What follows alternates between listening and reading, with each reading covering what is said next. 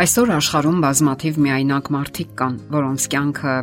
այնպես էլ չի ձևավորվել, ինչպես իրենք կցանկանային։ Նրանցից շատերը չեն կարողանում ամուր ու հաստատուն հարաբերություններ հաստատել, կառուցել։ Ոմանց դեպքում դիմացինն է հրաժեշտի որոշում կայացնում եւ իրենցից ոչինչ կախված չէ։ Այո, աշխարհում շատ հարաբերություններ են կառուցվում, որոնք երկար կյանք չեն ունենում։ Երբեմն մարդն ինքը չի ցանկանում ամուսնանալ եւ գերադասում է միայնակ կյանքը։ Իսկ բոլոր դեպքերում պետք չէ սարսափել միայնությունից։ Աշխարհը միայն ամուսնությամբ չի սահմանափակվում, եւ շատ մարդիկ են ապրում միայնակ, առանց դրանից ված զգալու։ Կողքի մարդիկ իհարկե երբեմն ակնարկում են այդ մասին, անգամ ձանձրացնում, սակայն մի օր համակերպվում են եւ լռում վերջապես։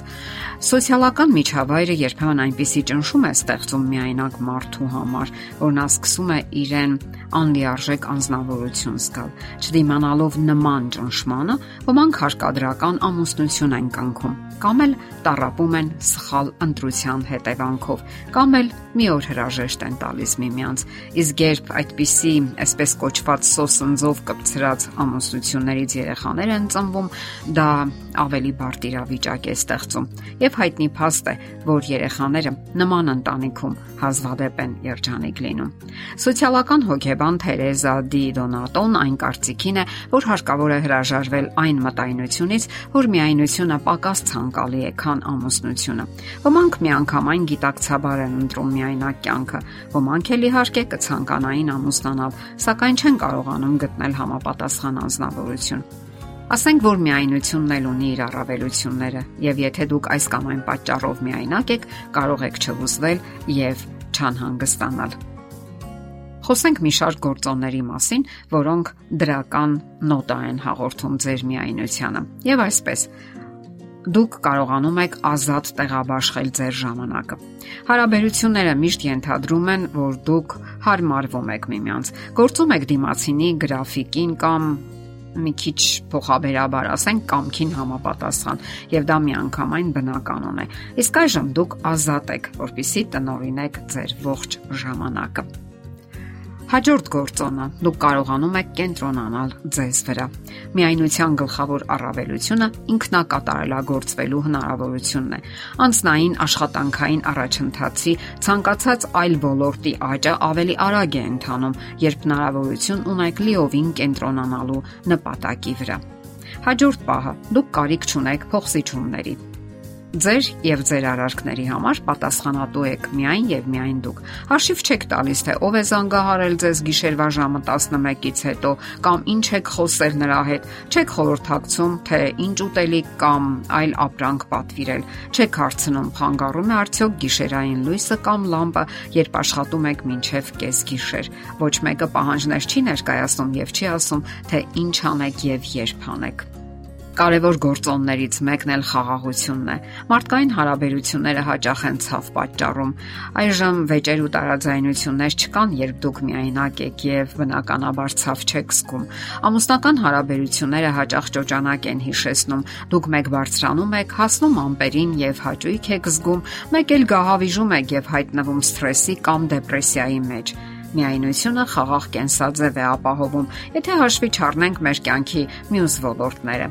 Ոչ ոք չի պատժում ձեզ լռությամբ կամ էլ խստորեն չի քննադատում։ Ընդ որում, եթե դուք որևէ մեկի հետ չեք հանդիպում, հարաբերություններ չեք պահպանում, հետեւաբար բաժանումն էլ ցավոտ չի լինում։ Ասենք որ այս դեպքում կարող եք հանդիպել ում հետ ցանկանաք։ Միայնությունը ձեզ ընկերներ ընտրելու ազատություն է տալիս։ Ամուսնությունը նաև ենթադրում է, որ դուք երբեմն համատեղ ընկերներ եք ընտրում, սակայն այս դեպքում դուք միանգամայն ազատ եք ձեր ընտրության մեջ։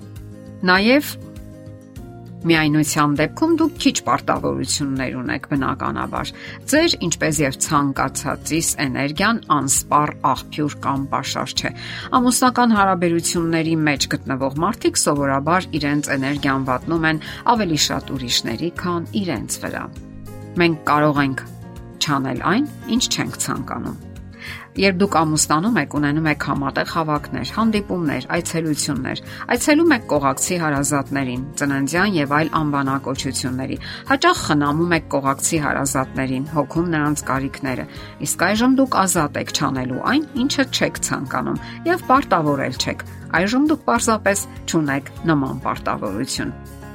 Երբ միայնակ եք, ուտում եք այն, ինչ ցանկանում եք։ Հոգեբանները հարցումներ անցկացնելով միայնակների հետ զարմանքով նկատել են, որ նրանք առավելություն են համարում այս գործոնը։ Եթե դուք բուսակեր եք, իսկ ձեր կողակիցը մսակեր, ապա դա կարող է բարդություններ առաջացնել։ Անընդհատ կողմերը մեկնաբանում են միմյանց սննդակարգն ու ասում. «Միթե կարելի է միայն բույսերով սնվել։ Այս սա փորձիր եւ կտեսնես, որ քեզ էլ դուր կգա»։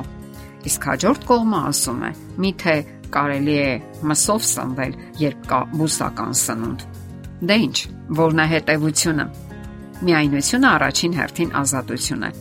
Հակառակ դեպքում դուք ինչ որ չափով ճնշում եք զգում ձեզ վրա։ Այժմ ապրում եք այնպես, ինչպես ցանկանում եք։ Ձգտում եք ձեզ համար լավագույն տարբերակին, առանց հետ նայելու։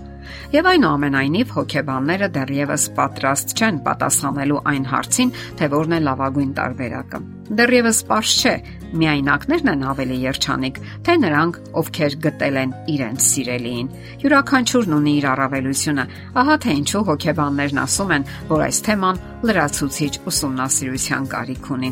Իսկ դուք ինչպես եք կարծում։ Եթերում է ճանապարհ երկուսով հաղորդաշարը։